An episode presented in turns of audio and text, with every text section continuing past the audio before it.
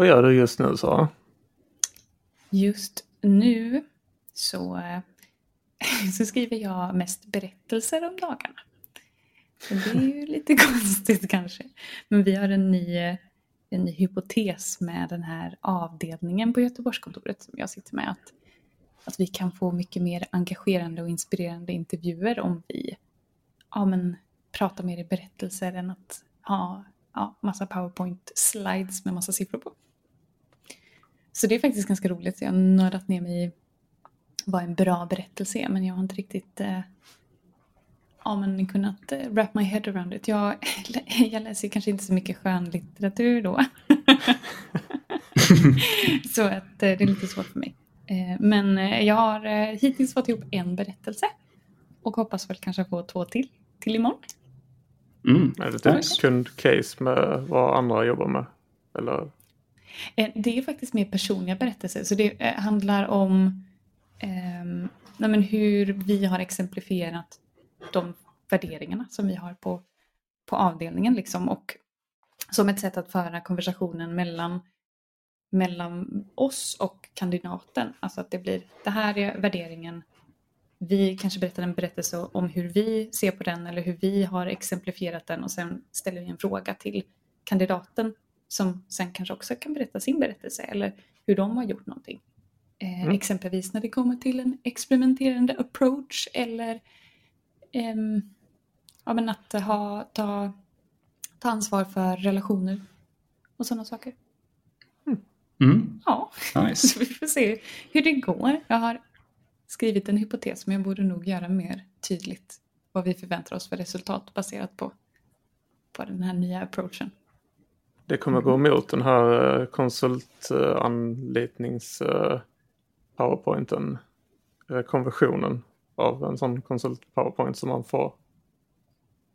Jag fick, när jag skulle börja på Avega, vår arbetsgivare, mm. så jag, jag gjorde jag som man gjorde, att man gick till andra arbetsgivare också och hörde vad de hade att säga.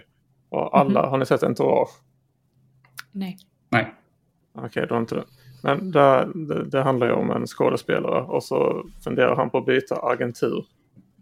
Och så går han till alla de stora agenturerna och alla har exakt samma powerpoint. det, det, är lite samma sak. Det är det vi alla, runt. Ja, alla hade eh, exakt samma powerpoint typ. Det var samma nyckelkunder. För det, typ alla har samma kunder i Malmö. Mm. Så anledningen till att jag föll på Vega var att jag tyckte Ingela som rekryterade mig var en skön lirare. Så jag gick bara på att ah, hon verkar ja. skön. så, alltså, det, det är skitsamma, alla har samma kunder ändå så hon verkar skön och det blir ju bra. nice. Gör du något kul Axel? Mm, jag försöker lära mig simma igen. har, du tapp, har du glömt? Ja, knappt. Eller jag, jag ska börja, börja kråla igen. Fri, fri sim. Så att uh, jag var och försökte det här på lunchen. Det är svårt. Det är ju, du vet, så här, man ska andas och man ska sprattla med benen och du vet, man ska orka. Ja, jag vet inte, det, det är komplicerat. Så att uh, jag får kanske ta lite hjälp av Andreas som också är med på den. Han är ju gammal simmare. Så att det är det jag håller på med just nu. Ja, ja. Fun fact, jag lärde mig inte simma förrän jag gick i fjärde klass.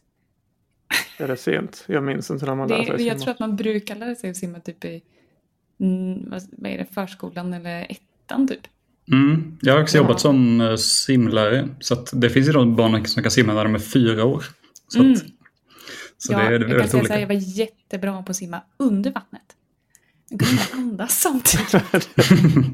Simultanförmågan var liksom noll. Så jag fick öva på det där armtag, bentag och andas. Mm. Det är så mycket saker att hålla reda på. kan göra flera saker samtidigt. Vet inte. om jag är kvinna. Så. det är dumt ja. att andas under vattnet i alla fall. Ja, ja nej men det, det, det, gjorde jag faktiskt inte. Bara, bara någon gång att man fick en kall sup liksom. Mm.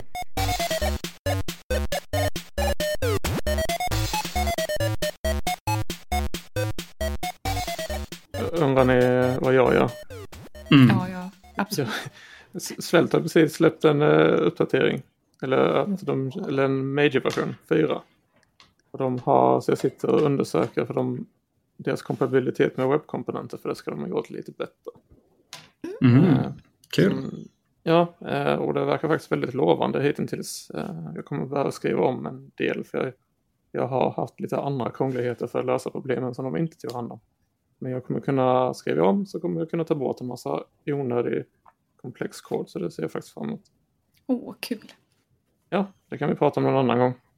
Men eh, så småningom tänkte jag lämna över stafettpinnen till dig Axel. Men idag har vi dig här, Axel. Tjena! Och vi har Sara. Hej! Och vi har jag, mig. Säger man mig? Jag. Ja, Oskar i alla fall heter jag. Men eh, jag lämnar varmt över stafettpinnen till dig Axel. Jag är nöjd med det introt. Det blir mm. bra. Nice. Uh, ja. ja, men vi har väl uh, snackat, lite, eh, snackat lite här i podcastgruppen om lite ämnen som man skulle kunna snacka om under sommaren. Och eh, någonting som är ganska nytt för mig är ju att jag, eh, jag har ju varit, jag har jobbat som inom IT i ja, 6-7 år just nu. Och i början så började jag egentligen som backend-utvecklare. Jobbade ganska mycket med DevOps och den biten. Sen men så småningom så, alltså de senaste två åren så har jag liksom gått mer mot köra lite med frontend och, och de bitarna. Så att eh, någonting som vi, ja, som kommer upp ibland är ju den här, eh, ja, lite vilken, den här resan då. Hur, hur tar man sig från och, och vara en backend-utvecklare eller man har liksom en ganska stark kunskap inom vissa delar till att förflytta sig till ett annat, annan del av själva eh, ja, liksom systemutvecklingen.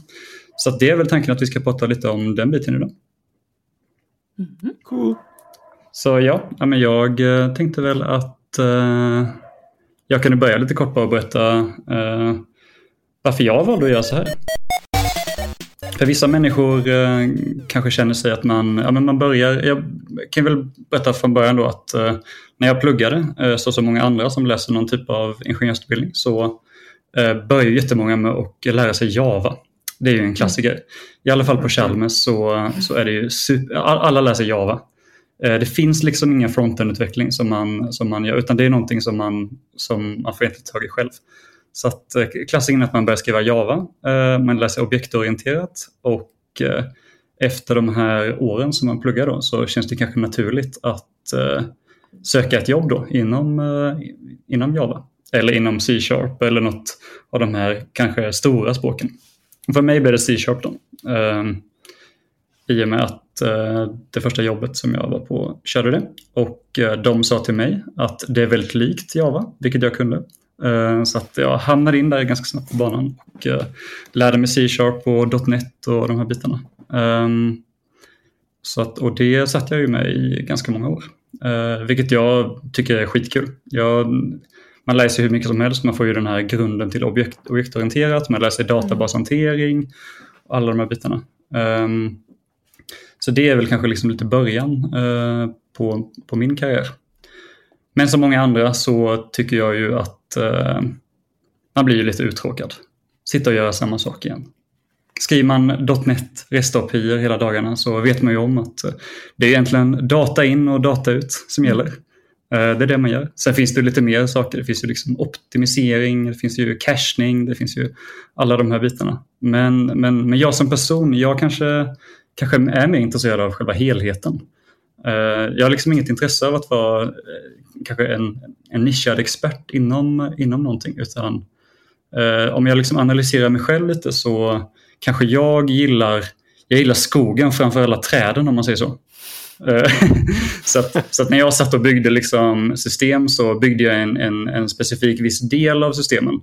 Men jag önskar kanske att jag hade mer av ett, helhets, eh, ett helhetsgrepp kring alla de bitarna som jag bygger, även fronten-biten då. Så därför kom också intresset av att eh, eh, börja kolla mig runt och, och lära mig de bitarna med. Ångrar du dig? Eh, ja, eh, till en början gjorde jag det. för, för, för jag, jag som många andra, vi, man, man, eh, man börjar ju liksom, jag eh, har ju suttit lite med eh, fronten för att man är ju alltså, fullstackare på ett och annat sätt ganska ofta i alla fall på de uppdragen jag varit på. Så att man, man blir liksom duktig på att kanske lösa enkla saker eh, i frontenden. Eh, och eh, den största skillnaden är kanske att man vanligtvis skriver JavaScript i frontenden. Och ehm, det är ganska stor skillnad på JavaScript i jämförelse med att skriva C-sharp, objektorienterad C-sharp. Så att eh, till en början kanske jag tyckte det var ganska jobbigt. Eh, speciellt det här med att det inte finns några, ja, i alla fall där jag satt då, jag körde inte TypeScript, så det finns liksom inga typer. Mm. Eh, det fungerar lite annorlunda än objektorienterat. Så att till en början så eh, skaffade man sig ganska mycket, många gråa hår till en början. Men det är väl också det som händer när man lär sig någonting nytt. Att det blir ovisshet och att det är inte alltid en dans på rosor liksom, utan det är ju den här utmaningen och när man väl, alltså själva utmaningen i sig kanske inte är det roliga men att lösa utmaningen är ju det som triggar en och skapar lite eh, dopaminpåslag liksom. Mm, ja men precis, ja men absolut var det så. Uh, det, var ju, det var ju ganska jobbigt till en början. Uh, det är ju, det är ju alltså, hur ska man säga, typ inom frontend-världen i sig så måste man ju lära sig väldigt mycket kan jag tycka.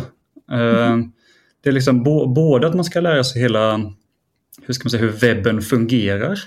Mm. Eh, liksom domstrukturen och, och hur eh, till exempel HTML, det kan man ju också skriva på massa olika sätt. Eh, man kan ju välja att inte skriva liksom någon typ av semantisk HTML. Man kan ju bara köra massa divar överallt. Alltså det går liksom, du kan, du kan ska man säga, forcera fram resultat ganska bra. Medan mm. inom backend-världen så går inte det att göra på samma sätt. Det är liksom mer styrt och strukturerat, i alla fall inom .NET-världen. Eh, så det här, var, det här var ju en stor skillnad också för mig, att jag, jag liksom inte vet riktigt hur jag ska göra vissa grejer. Eh, jag, mm. tror, jag tror till och med att jag frågade dig Sara någon gång så här, men hur funkar det med det här? typ? Eh, alltså en jättebasic HTML-fråga. Um, och, sen, och sen när man bara till går över till... Till och med att du frågade mig. Nej, nej, alltså jag menar inte så. ja men typ, typ och, och, kommer man över till, till CSS som är ju helt annorlunda från, uh, från något annat. Uh, så är ju också det ett, uh, ett, ett monster i sig att liksom ta sig över. Att bli riktigt duktig på, på CSS. Och sen kommer man till JavaScript. CSS-grejer nu by the way. Ja, ja, jag såg det. Ja. Herregud, jag vet inte. Jag har ju bott under en sten nu i ett år. Än så mycket. Ja, ja måste kolla på traversera uppåt i domträdet. Herregud. Jag, jag har inställningar att de gör uh, fel med CSS. Det är Cascade, Style, Cheating, Cascade, framåt. Men det finns ju så mycket saker som går baklänges. Mm. Alltså CSS gör så sjukt mycket det inte borde göra. Så jag, jag försöker alltid tänka att jag håller mig så nära till grundidén som möjligt och så, så blir det inte mm. så konstigt. Alltså allting från kan... att man kan hämta dataattributer in i stylingen. Det är ju inte Cascade. Det är ju läsa av eh, domet och sen ta in det i CSS. Det var liksom inte det det var ämnat till från början. Mm. Nej. Eh, jag tycker det är galet. Ja, men det var ju verkligen en, eh, ett, ett ganska stort hopp om man säger så. I, alltså att lära CSS. Och det, det, det förstår ju ändå det här med att många har svårt med det man lär sig liksom att kunna flytta runt eh, och liksom placera saker. Det, det blir man ganska snabbt eh, duktig på. Liksom. Men att göra kanske lite mer avancerad och skriva snygg CSS, det är ju ett jäkla steg. Eh, mm. Det finns inte.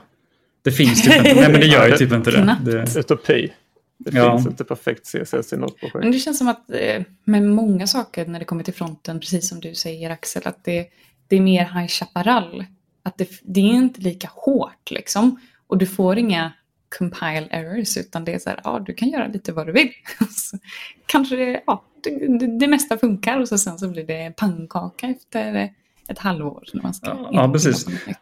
Det, var ju, det, det är jättesvårt med CSS att, eh, att är det no, gör du fel så syns det bara inte. Det finns liksom inget fel. Alltså det, det, det, är liksom, så det, och det, det fattar jag ju lite, eller det har jag ju förstått sig i efterhand att det är ju liksom gjort så by design för att du ska kunna liksom, mm. uh, upp, uppdatera liksom CSS, alltså att browsern kan uppdatera CSS utan att göra några breaking changes. Eh, så det, det, är ju liksom en, eh, ett uh, by design, vilket är ju ganska coolt i sig. Men det gör det också mm, jobbigt att skriva. Ja, Men har du i din resa från backen till fronten, eller fullstack kanske man ska säga, har du hunnit sitta med flera eh, frontenramverk eller vad började du med? Har du suttit någonting i så Vanilla JavaScript eller bara mm. ramverk? Liksom?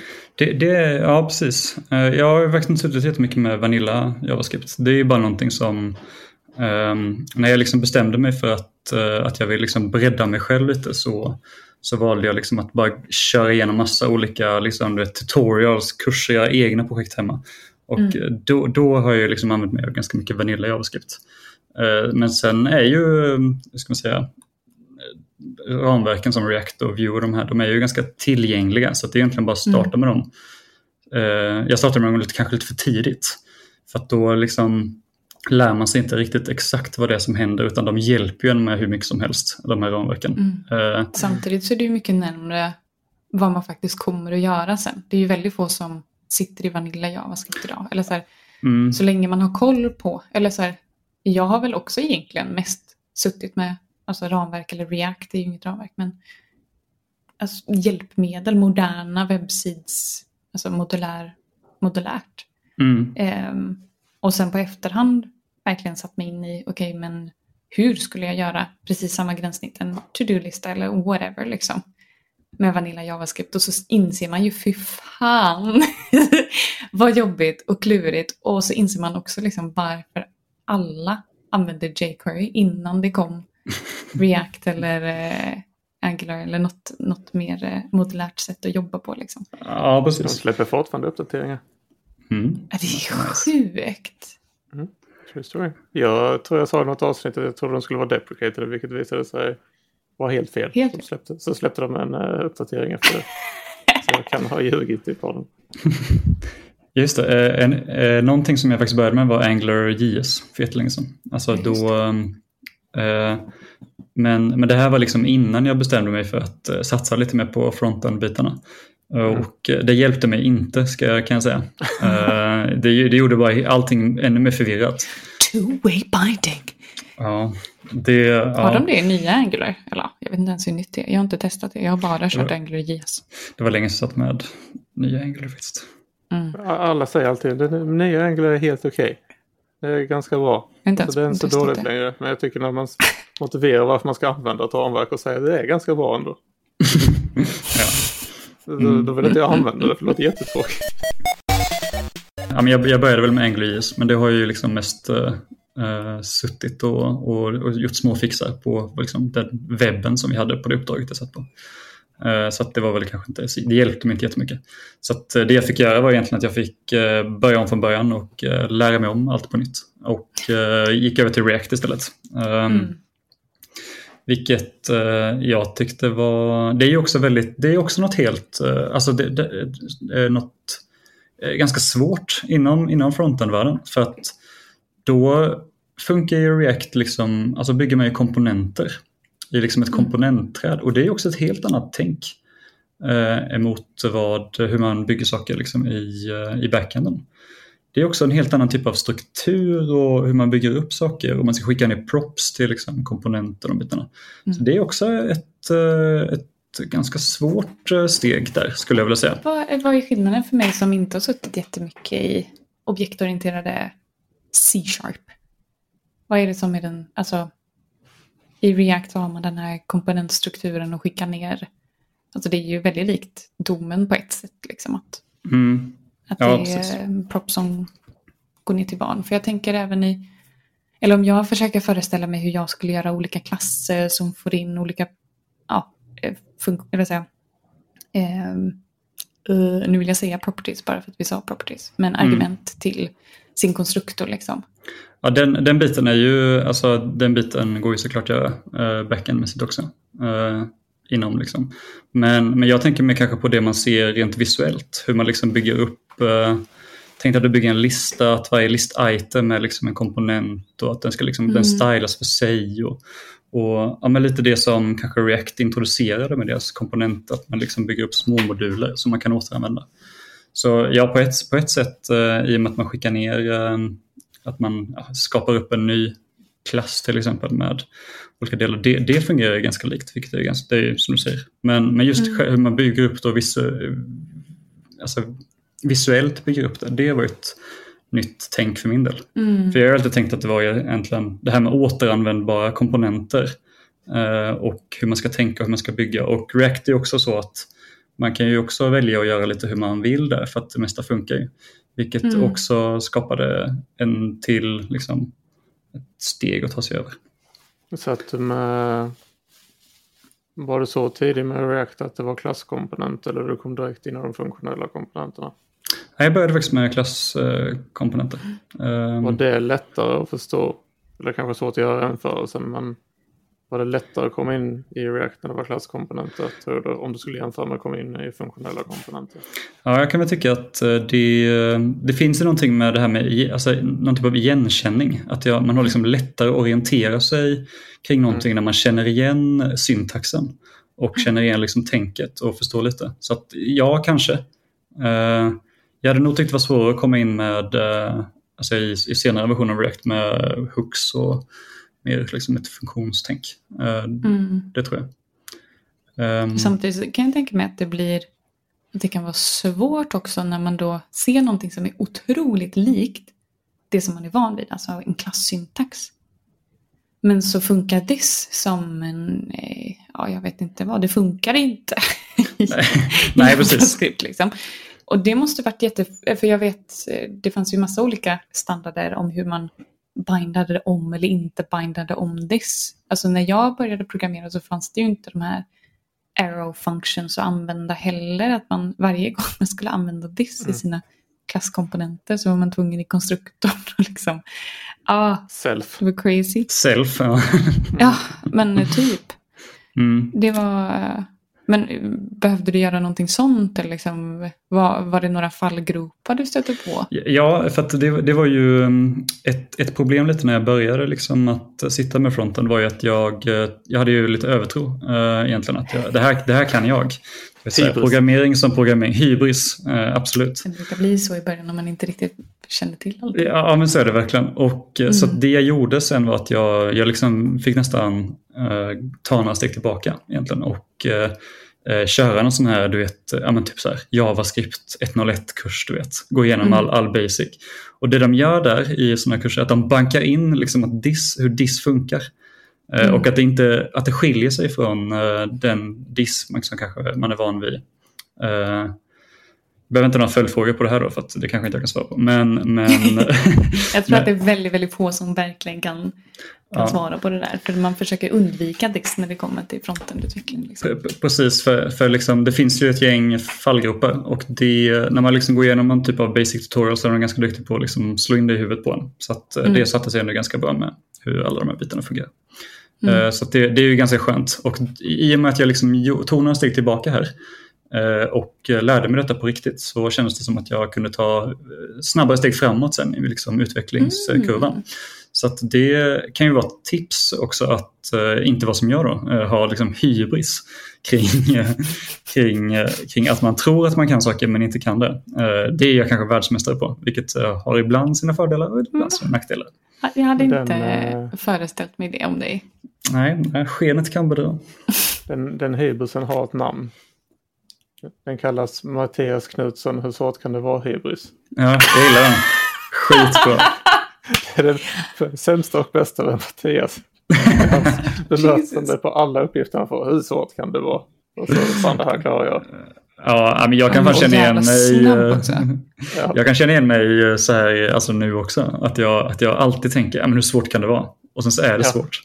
För att jag är inte så smart. att man har den inställningen att man bara Nej, det är för svårt. Det är bättre att man är lite som Mattias då och bara tuffa på tycker jag.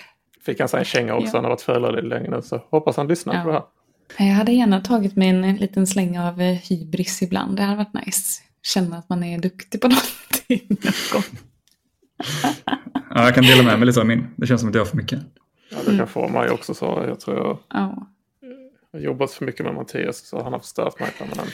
Det är också, det är också den legendariska killgenen tror jag. Mm. Mm. Mm, just det. Killgenen. Det var någonting som triggade dig till att ta några steg tillbaka. Så att någonting var lite svårare än vad du trodde att det skulle vara. Vad var det? Ja, det, men det är, ju, det är ju mycket med uh, JavaScripts uh, fallgropar egentligen. Att, mm. uh, att jag tänker att det ska fungera uppifrån och ner. Och att det är liksom, um, nu, nu kommer jag inte på några exempel här, men, men typ Ja, men de bitarna är väl, är väl alltså att, eh, att JavaScript funkar ganska annorlunda jämfört med eh, hur C-sharp funkar. Att det känns mer liksom strukturerat och att C-sharp känns mer liksom strukturerat och man kan göra på ett sätt och, och det funkar som det gör. Så att eh, därav så känns det som att jag bråkade ganska mycket med, med JavaScript till en början och CSS. Det kan jag värt nämna. Att jag liksom satt och, alltså det blev ganska mycket trial and error till slut, vilket är ju en, det är en dålig sits att hamna i. Uh, och, och, och, och därvid känner jag liksom att uh, då kan det vara bättre att bara ta några, tillbaka, några steg tillbaka och liksom mm. försöka analysera sig själv och försöka förstå. Kan jag verkligen det här? Kan jag förklara det för en femåring? Kan jag förklara det för mm. mormor? Nej, det kan jag inte. Så, att, eh, så det är lika bra liksom att bara, bara bita det så i äpplet och liksom försöka förstå vad problemet är. egentligen. Mm. Så det, det bråkade jag ganska mycket med i början. Det är en bra approach att ha lite så här, om man vågar prova. Och se, klarar jag det eller klarar jag det inte? Och sen ta några steg tillbaka, analysera, reflektera. Varför funkar det inte? Eller vad var det som hände här? Varför? Och speciellt när man har löst ett problem och förstå. Jag tror att man ofta är stressad idag. Liksom, så att när man väl har löst ett problem så reflekterar man kanske inte så mycket över vad det var som hände. Man dokumenterar inte heller liksom, ens tankeprocesser. Så nästa gång det kommer så bara fan, jag gjorde ju det här för en månad sedan. Ja, ja precis. Ja, men så är det ju mycket. Och så är det ju också väldigt mycket i början känner jag. För det mm. blir lite som, man hamnar i en liten konstig sits av att så här, ja, men jag, jag, jag kan, alltså programmering i sig kan jag ganska bra och vet hur det funkar. Men, men jag kan liksom inte detaljer som jag bör kunna för att, i och med min hybris. Så, så, så att, ja, men det, det är väldigt, väldigt spännande. Men, men det är också intressant för att det känns som att i och med att jag liksom valde att lära mig det lite bättre känns det som att jag också vuxit lite som programmerare i sig. Alltså att man, mm. man får mer kontext kring saker och förstår eh, eh saker från ett större sammanhang, vilket är väldigt intressant. Mm. Jag tänker att det går ju antagligen ganska mycket hand i hand med det du pratade om att du vill se, se skogen istället för träden. Ja, precis. Ja, men, ja, men visst är det mycket så. Uh, jag, uh, jag gillar också, jag, vi pratade lite om det här innan, att um, någonting som jag letade lite efter uh, som konsult på Avega är att jag, jag gillar liksom flexibiliteten att kunna uh, ta flera olika typer av uppdrag. Uh, mm. Och att inte liksom nödvändigtvis behöva vara låst till kanske en specifik teknik eller, eller kanske en viss del av själva systemet. Utan jag känner liksom att jag gärna vill ta en större roll. Eh, att jag ska kunna hjälpa till liksom på många olika plan i, i till exempel ett, eh, ett projekt. Vilket har ju motiverat mig väldigt mycket i mm. att eh, bredda mig själv. Så det tycker jag eh, har, har gynnat mig väldigt mycket. Jag tycker det där är så svårt för jag, jag är också av samma, så här, jag vill vara bred för att jag kan inte sluta vara nyfiken liksom. Och har väl kanske breddat mig mer mot user experience och eh, affärsutveckling och agila processer liksom för att jag tycker att det är så otroligt viktigt för att kunna landa ett bra projekt. Men det som jag finner som konsult är ju att ofta så letar ju, eller så här, folk går inte ut med vi behöver hjälp med den här frågan eller så här, det här är vårt problem, snälla hjälp oss, utan det är ja men det här är vårt problem så det här måste vara svaret. Svaret är att vi behöver en TypeScript-utvecklare som har sju års erfarenhet. och så är det det som blir själva jobbannonsen istället för att ja, men vi behöver någon som kan ja, hjälpa oss med, eh, vi, vi har den här produkten och eh, vi sitter fast på det här och det här, liksom, hjälp.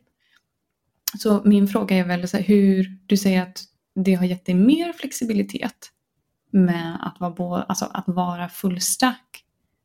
Och jag tänker så här, ja, för det är ju inte min känsla över att vara bred men åt UX-hållet att man, eller kanske lite, men då blir det mer så här, Jaha, du gör gränssnitt. Eh, du, du ritar. Så fort man säger UX, jag bara nej, nej, jag programmerar. så vad, eh, har det bara varit positivt med fullstack? För jag kan också tänka mig, eller när jag läser CVn och det står fullstack, så blir det så här, ja det tror du va? Mm. Ja, men, ja, men På ren göteborgska. Är du la ja. eller? Du gillar gola. Ja, full, fullstack i sig uh, idag kanske är en backend-utvecklare som kan flytta på lite pixlar. Uh, mm. Kanske det Eller som man får ibland. Eller tvärtom. ja, precis. Uh, nej, men jag, jag, jag känner mig ganska bekväm i, um, i de uppdragen som jag har att ha någon typ mer av kanske lead-roll. Alltså att jag kanske kan hjälpa till, kan komma in i ett team och hjälpa till både liksom ganska bra på båda delarna då, alltså både fronten mm. och backend-delarna. Ehm, vilket jag haft då sen, sen tidigare, den typen av roll. Så att eh, det, när, när jag pratar att det har varit fördelaktigt för mig är väl egentligen det jag syftar på då. Att, eh, att jag kan, ehm, jag har liksom ganska, hur ska man säga, jag är liksom inte expert på någonting. Däremot så vet jag kanske vägen framåt i vissa frågor. Att jag liksom har kanske erfarenheten att kunna eh, analysera och försöka komma framåt i vissa problem. Så det, mm. det, det, det, det, känns väl som att det har varit en, en positiv sak. Jag, jag har en fråga. Som jag tänk, alltid tänkt att Eh, är jobbigt för folk som är backender när de försöker tänka fronten. Om vi tar C-sharp som ett exempel. Det exekverar i en väldigt kontrollerad kontext. Om man jämför med JavaScript, för jag tänkte för du hörde av dig för något tag sedan var jättesur för att det var en metod som skulle finnas i Windows API, eller inte Windows, men i, det var något nytt mm, API. Structured i, clone. Ja, Hur eh, var det att förhålla sig till i början när man insåg att man, jag antar att så smått så har du börjat lära dig att hata webbläsare för det gör man som frontenutvecklare. Ja, det, det, det, är för de är mer homogena nu så saker exekverar med olika förutsättningar i olika webbläsare. Det var det, det tänker jag är bland det jobbigaste. Om man går från backend. Ja, det är skitjobbigt. Det, det är liksom som att du får eh, du får bara vänja dig vid att du befinner dig i en sån här vilda västern-stad. Typ. Och att så här, det skjuts hej vilt. Så, så kan jag tänka det ibland att, eh, att, att jag förstår liksom under frustrationen. Eh, I, i, I det här fallet som, som du pratade om Oskar, var det ju att um, för att göra en deep clone då, uh, så brukar ju folk använda någon typ av Lodash. Mm. Och om man inte vill göra det så finns det ju massa kul hack man kan göra. Ja! Uh, JavaScript. Som är, som är, JavaScript som är, su, som är superslöa, som man inte ska använda dem. Ja, uh, stringify som parse. Uh, Jajamän. Ja. Och uh, nu så visar det sig att uh, på Windows så har det kommit en metod som heter, uh, som heter, heter den structured clone. Det kanske den heter. Jag tror det. Den verkar ehm. väldigt lovande förutom att den inte funkar hela tiden. Precis, och, och, och, och jag, eh, jag hittade den när jag skulle, för jag behövde göra en deep clone helt enkelt av ett objekt som jag hade. Mm. Uh, och den uh, funkar ju eh, överallt förutom i Firefox. Men Firefox beskriver att den ska funka för dem. Mm, Skitsött, på MDM så står det att det ska vara stöd. Ja, men, jag hade väntat men... år ungefär tills de har force-uppdaterat alla webbläsare så kommer du kunna använda den. Mm. Okay. Mm. Så, så det som hände i mitt fall då var ju att eh, jag trodde den funkar i och med att det stod det. Men mm. när folk testade mitt system, det här är ett inhouse-system som vi hade på det uppdraget jag hade, så visste jag att eh, folk använder Firefox, de använder senaste versionen och eh, den funkar inte där. Um, så att jag har helt enkelt varit lite lat att jag inte, jag borde testat såklart det också. Uh, ja, men vet du vad, det där händer ju varenda en. Att man sitter och utvecklar och så testar man bara på sin webbläsare hela tiden. Till, eller jag kan vara sån att jag bara kör mina integrationstester ibland, så kodar lite blindo. Um, och så sen så kollar man på gränssnittet och så kollar man kanske en webbläsare till. Man, alltså, mm. jag, det är väldigt många uppdrag som jag känner att varför har man inte det automatiserat med att man faktiskt skriver en trendtester och så kör man det i en miljö som faktiskt kan köra det i flera olika webbläsare på flera olika simulerade OS. Liksom. Absolut, det är ju, men det är ju också eh, Ja, ja och, och, så var det verkligen i mitt fall, att jag borde egentligen haft eh, tester som täckte detta, vilket jag inte hade i det här fallet. Eh, mm. Men eh, så, så tips till er ungdomar där ute, lita inte på lita inte på allting utan testa det så mycket som möjligt. Mm. Det, det, är liksom det viktigaste i slutändan. Mm. Ja, webbläsare är konsekvent inkonsekventa. Det är på till, jag tänker det är liksom det största skillnaden att saker exekverar knas ja. fronten. Jag tror man har vant sig för typ som du och jag sa som du har skrivit fronten längre. Men så sitter vi här och fnissar lite skrattar åt det men egentligen så alltså, har man handen knuten i näven samtidigt som vi skrattar. Det är lite... eller man har ja, alltså det är så lustigt. Liksom. Jag tycker ju om alltså JavaScript och TypeScript. Men framförallt TypeScript, jag tycker det ändå är bättre. Eh, och det har vi pratat om i ett annat avsnitt. Men att, att det är lite svårt. För det gör att man kan vara alltså, lite mer bra.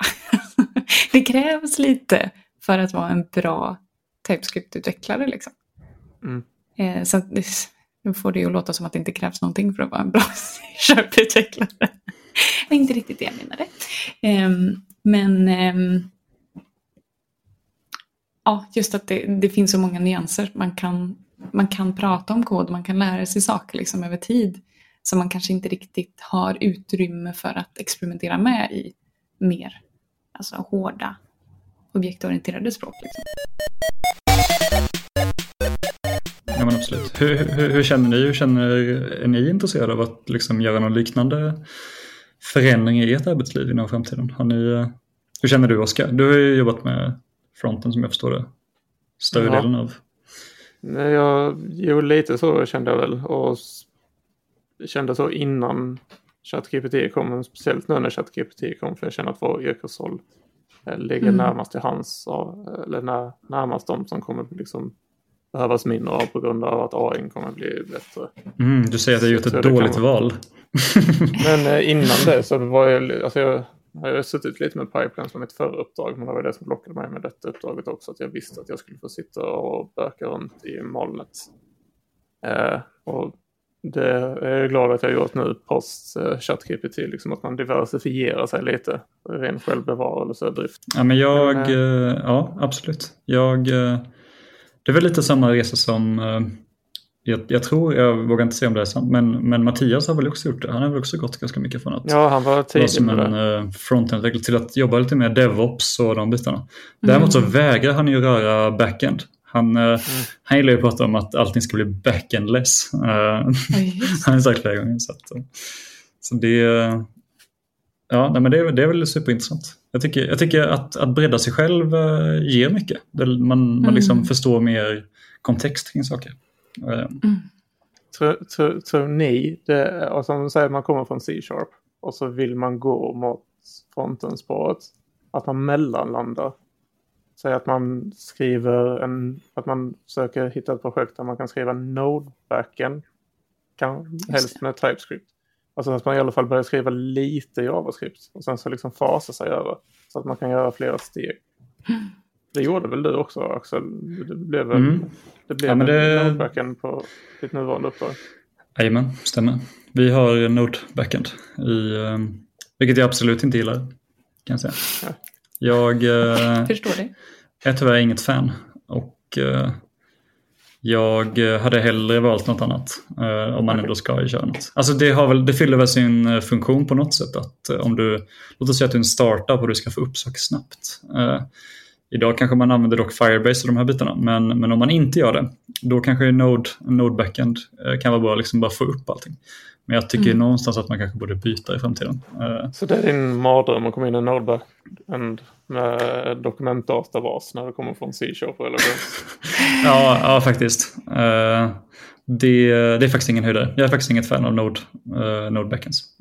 Okay. Jag kan förstå det. det. Alltså, just att det saknas en del typer. Alltså jag har ändå försökt eh, bredda mig själv, byggt några API, gjort några databaser. Eh, och det är ju så jobbigt när man inser att ah, i Python så finns det ju de här eh, jättesmidiga typerna redan färdiga för mig. Och nu måste jag sitta och fulhacka något i Node liksom för att få, få samma grej. Um, mm, ja, visst är det så. Inte optimalt. Ja, men jag, eh, ja, Ja, men visst, visst, jag började ju med någon typ av nod uh, backend. Då. Uh, men, men just nu sitter jag kanske, jag sitter kanske 90% 85-90% i som front, uh, inom, frontend. Och uh, det som är ganska skönt är att jag, jag vet ju liksom lite hur det funkar. Att jag kan ju, hur ska man säga, skriva ändå mitt egna API. Uh, vilket kanske inte alla känner att de vill eller kan. Uh, mm. Så jag är ganska flexibel på det sättet. Att jag kan liksom lösa båda delarna. Uh, att jag kan ta en feature och liksom lösa hela, hela slingan utan att behöva liksom vara mm. eh, beroende av någon annan, vilket är ganska skönt. Mm. Jag tror att det är liksom nyckeln till att vara effektiv i team. Att alla kan på något sätt ha mer än en uppgift. Det har jag säkert sagt 300 gånger också. Men just alltså det här med T-shape och att man har en grund i någonting liksom och så sen prata med andra. Men det är ännu bättre om man känner sig tillräckligt trygg i sin kompetens att man kan faktiskt genomföra uppgifter. Och det gör ju också att man kan kommunicera på ett helt annat sätt där man faktiskt har, har lite förståelse för, för saker och ting. Ja, men visst. Det jag håller med. Det något annat som du har känt när du har gått över liksom som har varit så här helt haiku? Alltså typ utöver CSS och webbläsare. något liksom som har du känt någonsin liksom att du verkligen ångrat dig? Um, nej, jag har nog aldrig känt att jag ångrar mig för att jag liksom grund, grundstenen lite till varför jag tycker detta är roligt är kanske inte så mycket, hur ska man säga, eh, programmeringsspråken eller ramverken och de här bitarna i sig. Utan jag gillar ju liksom idén om att kunna se ett resultat framför mig vid datorskärmen. Uh, så att jag, jag känner kanske att jag uh, är ganska obrydd om, jag, jag skulle kunna hoppa på ett nytt ramverk. Jag behöver inte liksom sitta med jag behöver inte liksom bli expert på view till exempel. Utan jag tycker liksom själva resultatet är det viktiga och, och, om resultatet är det viktiga så bryr jag mig kanske inte supermycket om de andra bitarna. Eh, jag är ändå ganska flexibel. Och resultatet är webbsidan? Ja, web, ja precis, precis, webbsidan eller produkten. Eh, det är ja. kanske, jag är kanske lite mer att jag gillar produkten i sig och kanske inte att jag sitter och gillar att jobba med CSS om du förstår vad jag tänker. Mm. Eh, kommer det ett nytt sätt liksom att skriva genom någon typ av styling på nätet i framtiden så kanske jag blir intresserad av att lära det um, istället. Du ska uttrycka det, leverera värde till kunden, det gillar alla arbetsgivare. ja, men det kanske bara är mitt sätt liksom och, och, och jag har insett att jag liksom kan inte bli superduktig på någonting. Så att jag bara ändrar mig hela tiden. Fast samtidigt, det finns en, alltså det är ju en jättestor styrka tycker jag, att vara bred jämfört med att vara, ha spjutspetskompetens. Speciellt när det kommer till, till fronten som ändå rör på sig mycket mer än vad backen gör. Sen vet inte jag, vi pratade om det, jag vet inte om det var förra avsnittet jag var med i eller hur det är, men att det kanske inte rör sig lika fort nu. Eh, och speciellt då om man tänker på AI och om, om våra jobb kommer bli bort, eh, vad ska man säga, bort, eh, inte prioriterade, bort, bortlämnade till AI. Mm. Då är det väl jättebra att inte vara spjutspetsad på det. Liksom. Nej, precis. Eh, det är väl ganska bra att försöka vara en, så mycket av en människa som möjligt. Mm. Ehm, och liksom ha de här mänskliga kvaliteterna som kanske är svårt att, svårt att ersätta. Eh, mm. Kanske en helhetsbild eller kanske liksom en, de här bitarna kan vara ganska men är det helhetsbilden, för jag, det driver mig också liksom att få en helhetsbild. Men som jag sa innan, liksom, jag har ju mer gått åt affärsutvecklingshållet. Liksom, vad är det som man kan göra i början tillsammans för att skapa en bra produkt? Sen har jag ju även läst om IT-arkitektur, men det var en bok och jag har inte pluggat på den så jag kommer inte ihåg så jättemycket. Men där är det också precis så som du pratar om att eh, man, för att kunna vara en bra IT-arkitekt så behöver man ju ha bred kunskap för att kunna veta, okej okay, men det här problemet har de här möjliga lösningarna. Och eh, vad, vad är den bästa baserat på våra constraints? Liksom? För det finns ju aldrig något bra eller så här korrekt svar kring hur man ska lösa någonting när det kommer till IT. Eh, så vad, vad, vad, var poängen med min historia här? Eh, mer att så här, jag, men vad är helheten? Vi pratar om produkten. Mm. Men är, det, är du så, liksom, känner du att ah, men det är bara programmering eller skulle du, är du fortfarande intresserad av mer saker? Liksom? För jag kan känna att jag vill kunna allt. Jag vill kunna backend, jag vill kunna eh, AVS, jag vill kunna eh, ja, men agila processer, allt. Så att jag kan göra bra grejer liksom. Men det blir också så här, jag kan inte göra det själv i vilket fall. ja, men det, det, är en skitbra fråga. Eh, det är en intressant eh, frågeställning. Ja, det är fan svårt. Jag, jag vet inte riktigt exakt varför jag känner så. Är det, är det, kan det vara någon, så här, vara någon form av så här självförverkligande? Att jag känner att så här, ja, jag kanske vill eh, jag vill kunna ta mig an de problemen jag får kastade på mig. och att jag mm. kanske inte kunde det innan riktigt på samma sätt. Mm. så jag, jag, du har nog kanske en mer, hur ska man säga, en, en mer fra, framtids tänk uh, och kanske en, en mer väg att gå än vad jag har. Uh, jag har nog mer bara så här att ja, men jag, vill, jag vill lösa problemen som jag, som, som, jag möts av. Um, mm. Det, det leverera värde som... till kunden. Leverera värde till kunden. värde till kunden. Ja, bara tatuera in det så att du har det. Digital transformation. mm. Kan det vara värdeord utan till? Ja. Det är klart ni kan. Mm, jag kan jag kan inte, det är för lång. Vadå, det är ju tre värdeord eller vad pratar vi om? Nämligen äh, meningen för vår arbetsgivare. Det är någonting med digital transformation. Jaha, du tänker på den. Ja. ja, men leda i digital transformation. Och så sen så har vi ju vårt interna som är att vara den mest utvecklande arbetsplatsen. Mm, just det. Och så har vi våra tre värdeord. Kraft, professionalism och medmänsklighet. Så, mm. varsågod. Någon har verkligen gjort en hemläxa. Duktig flicka, Sara. Klapp på huvudet. Self-clap. Mm. Men, men lite det som, eh, det, det, som jag och Sara pratade om där, Oskar. Hur, hur, hur, hur, hur, ser du liksom på din breddning om man säger så? Nu när mm. AI kommer ta ditt jobb. jag, alltså jag vet inte, jag är nog jag är lite för mycket Hakuna Matata. Alltså, jag tänker att det löser sig och eh, när, när tillfällena kommer så tar jag dem om det kommer nya utmaningar. Det är inte så att jag liksom jag kände väl att det var dags för någonting nytt men jag hade inte gjort om inte det här uppdraget presenterade sig. Jag tänkte mm. faktiskt på en fråga här på en. Sara har varit jätteduktig och förberett ett litet frågebatteri här så jag tänkte stjäla en av dina frågor Sara. Att du får koll på dina frågor. Men tack, tack. Hur, liksom, hur öppnade sig möjligheten? Var det liksom att du sa till din närmsta chef att jag vill prova fronten eller var det bara att ett uppdrag dök upp? Liksom, var det i konsultrollen är det någonting man kan göra med mm. hur hanterar man sin arbetsgivare och kund för att för ofta säljs man ju på det man kan och inte ja, det man vill lära mm. sig. Hur gör man? Ja, så det fungerade. Det var, jag hade nog lite tur tror jag. Jag, eh, jag har ju liksom eh, vid sidan av mitt arbete kanske lärt mig eh, fronten-bitarna och liksom gjort lite hemmaprojekt och så. Och sen så mm. kom det liksom ett Eh, perfekt eh, konsultuppdrag som jag liksom fick som jag bara såg eh, i, vi har liksom som ett, som ett säljflöde kan man säga där, där det kommer in uppdrag. och så såg jag bara det, by chance egentligen. och tänkte så här, ah, men det här kanske skulle kunna vara någonting för mig. För det hade ju liksom de här bitarna som jag sökte, att de behövde någon som, mm. som gärna kunde lite, lite backend men, men också också alltså som, som framförallt frontender. Och sen så har jag ju en bakgrund inom eh, just IT och webbsäkerhet. Så, um, som också inkluderades i det här uppdraget. Så det var liksom a, a perfect match. Var det. Så jag hade, jag hade, jag hade jävligt uh, flyt skulle jag vilja säga. Så det var, de blev kära i ditt CV.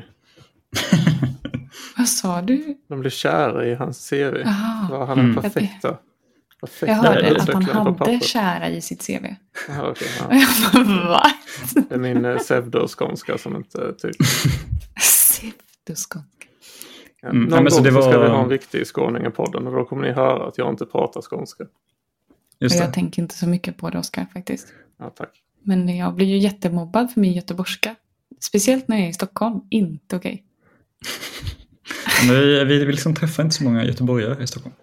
Det är speciellt. Det, det är men... bara stockholmarna som retar andra för hur de pratar. De är väldigt språkfientliga. Eller dialektfientliga. Mm. Jag, det var inte eh, alls fientligt sagt. Min, min eh, släkt Oskar.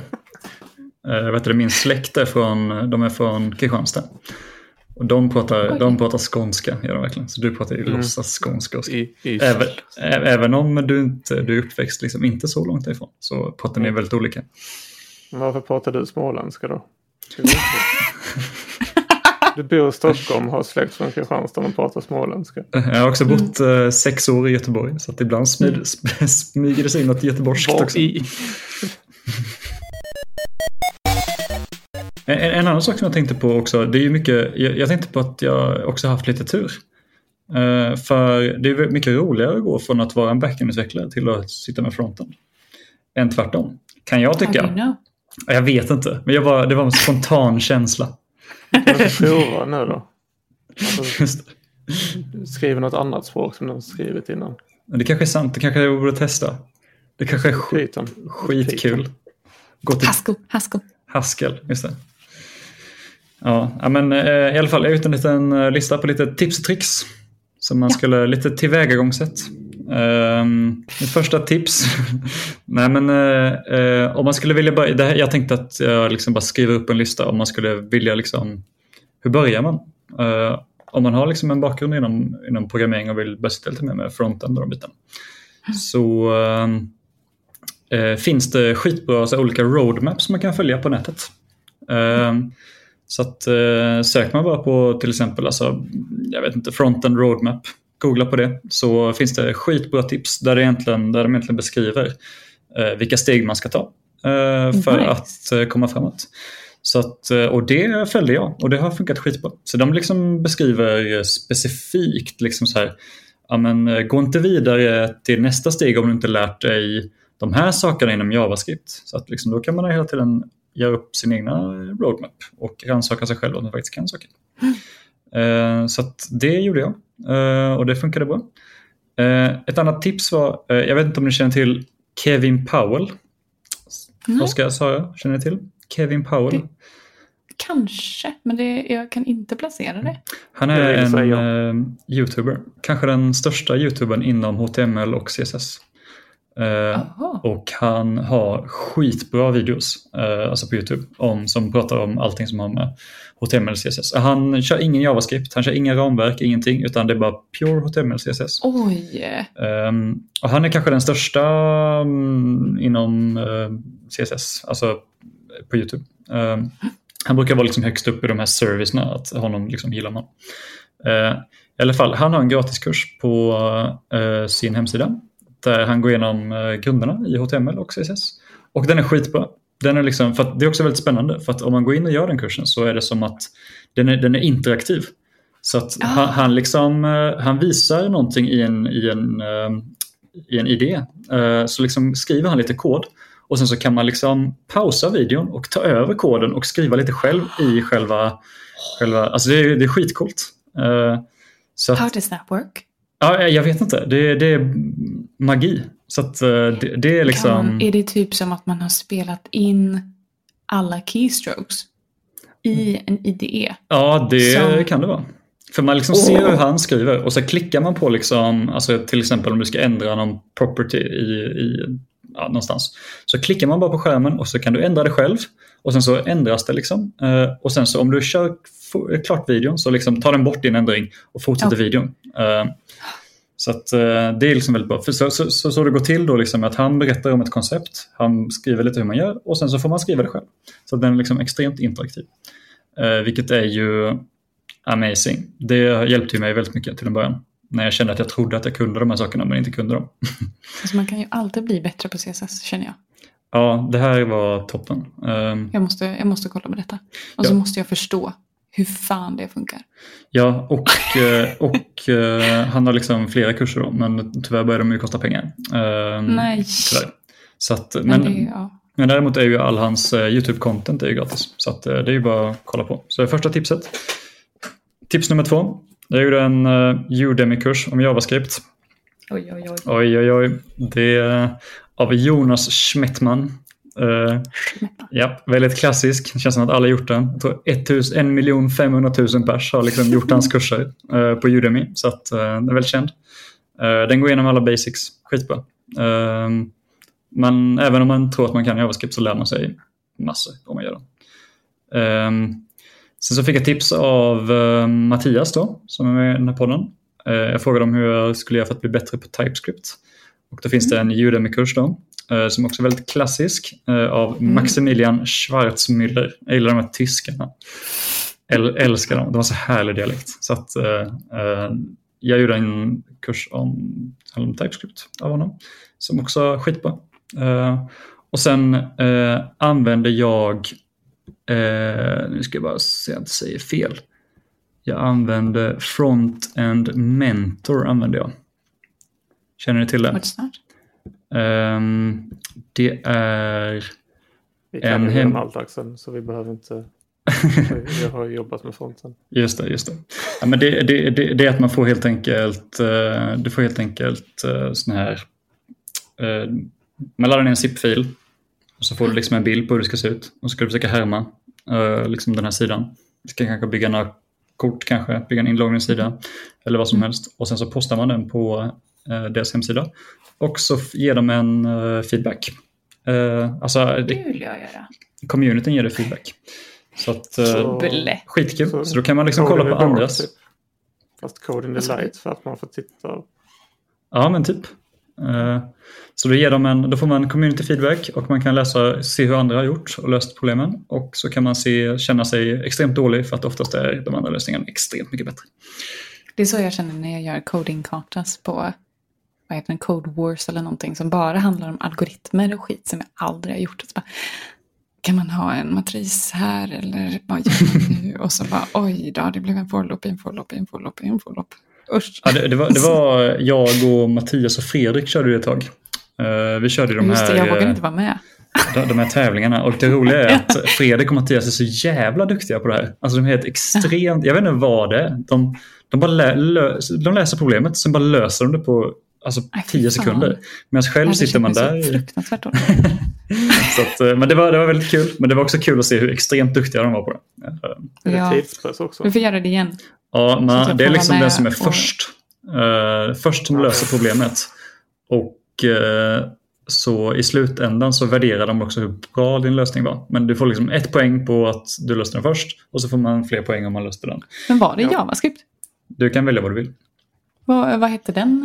Jag kommer inte ihåg vad den hette för det är inte samma som jag har gjort innan tror jag.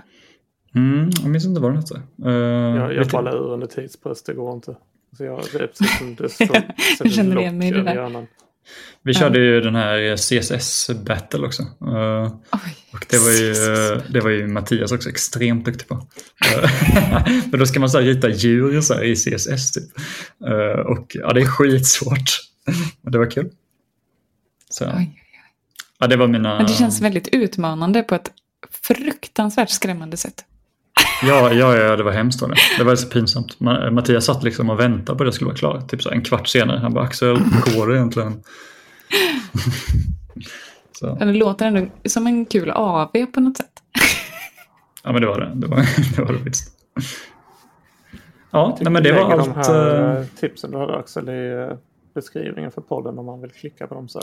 Absolut. Ja. Jag, jag, ja. jag slänger in det. Jag kom på tips. Ja. Sorry. jag kom på tips. Smög fram till micken. Men jag, jag, jag kommer att tänka på när jag började lära mig JavaScript. Och just det här med att förstå nitty gritty things och alltså this och lexical scope och closures och callbacks och hela skiten liksom. Eh, så läste jag en bokserie som då åtminstone var gratis som man kunde typ tanka hem från GitHub. Som heter You Don't Know JS. Och den går jag fortfarande tillbaka till och det är, jag tror han heter Kyle Simmons, Simons, Simmers, något sånt där. Um, superduktig verkligen. Och han har även, det är mitt andra tips då, han har även kurser på Frontend Master som är min go-to när jag vill hålla mig uppdaterad eller gå någon jävligt väl, välskriven kurs liksom. Mm. Och de har ju allt möjligt från, jag har läst någon computer science-kurs för frontendare, eh, för jag fick inte läsa computer science i min utbildning, jättekonstigt. Ehm, och eh, ja, men även eh, CSS eller datavisualisering eller nya ramverk och även ja, men, svårare. Allt från nybörjare till jätteavancerat. Mm. Så det kan jag tipsa om. Men det kostar mm. pengar. Nice. Men det är värt det. Det var mina tips. Jag har också tips, men nu har ni redan tipsat om så mycket böcker och kurser och sånt. Men det kommer bli ett överflöd av tips då. Nej. Eh, den eh, interaktiv bok som heter Eloquent JavaScript som är skriven av en man, som ser, jag kommer inte ihåg hans namn, han heter Marin Haverbecke. Och han eh, har gjort lite liknande resor som du har gjort Axel. Så han kommer liksom från att inte ha skrivit JavaScript alls och det är väl JavaScript i fokus. Och då skrev han en interaktiv bok så den finns gratis på webben. Så då läser man den och sen så kommer det upp en konsol ibland och så skriver man sina exempel.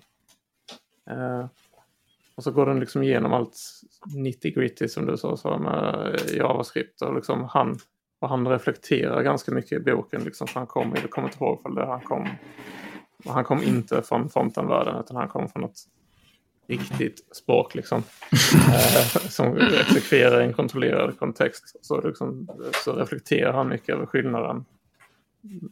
Just när man börjar skriva JavaScript och ändå är ganska positivt inställd liksom. Och tycker att det här är ändå ganska bra JavaScript, det här är ändå ganska bra. Det här är ganska, han går liksom igenom alla delar med JavaScript och den är uppdaterad, den har funnits i nästan, jag vet inte, tio år eller någonting. Och uppdateras kontinuerligt. Eh, och det finns gratis på internet att göra den. Den är faktiskt riktigt bra. Mm, nice. Men eh, kan vi det här nu då? Det kan vi. Så, vi kommer posta din lilla lista Axel i beskrivningen. Så om man vill göra samma resa som dig. Annars, ha det bra. Ha det bra. Hej då. Hej då.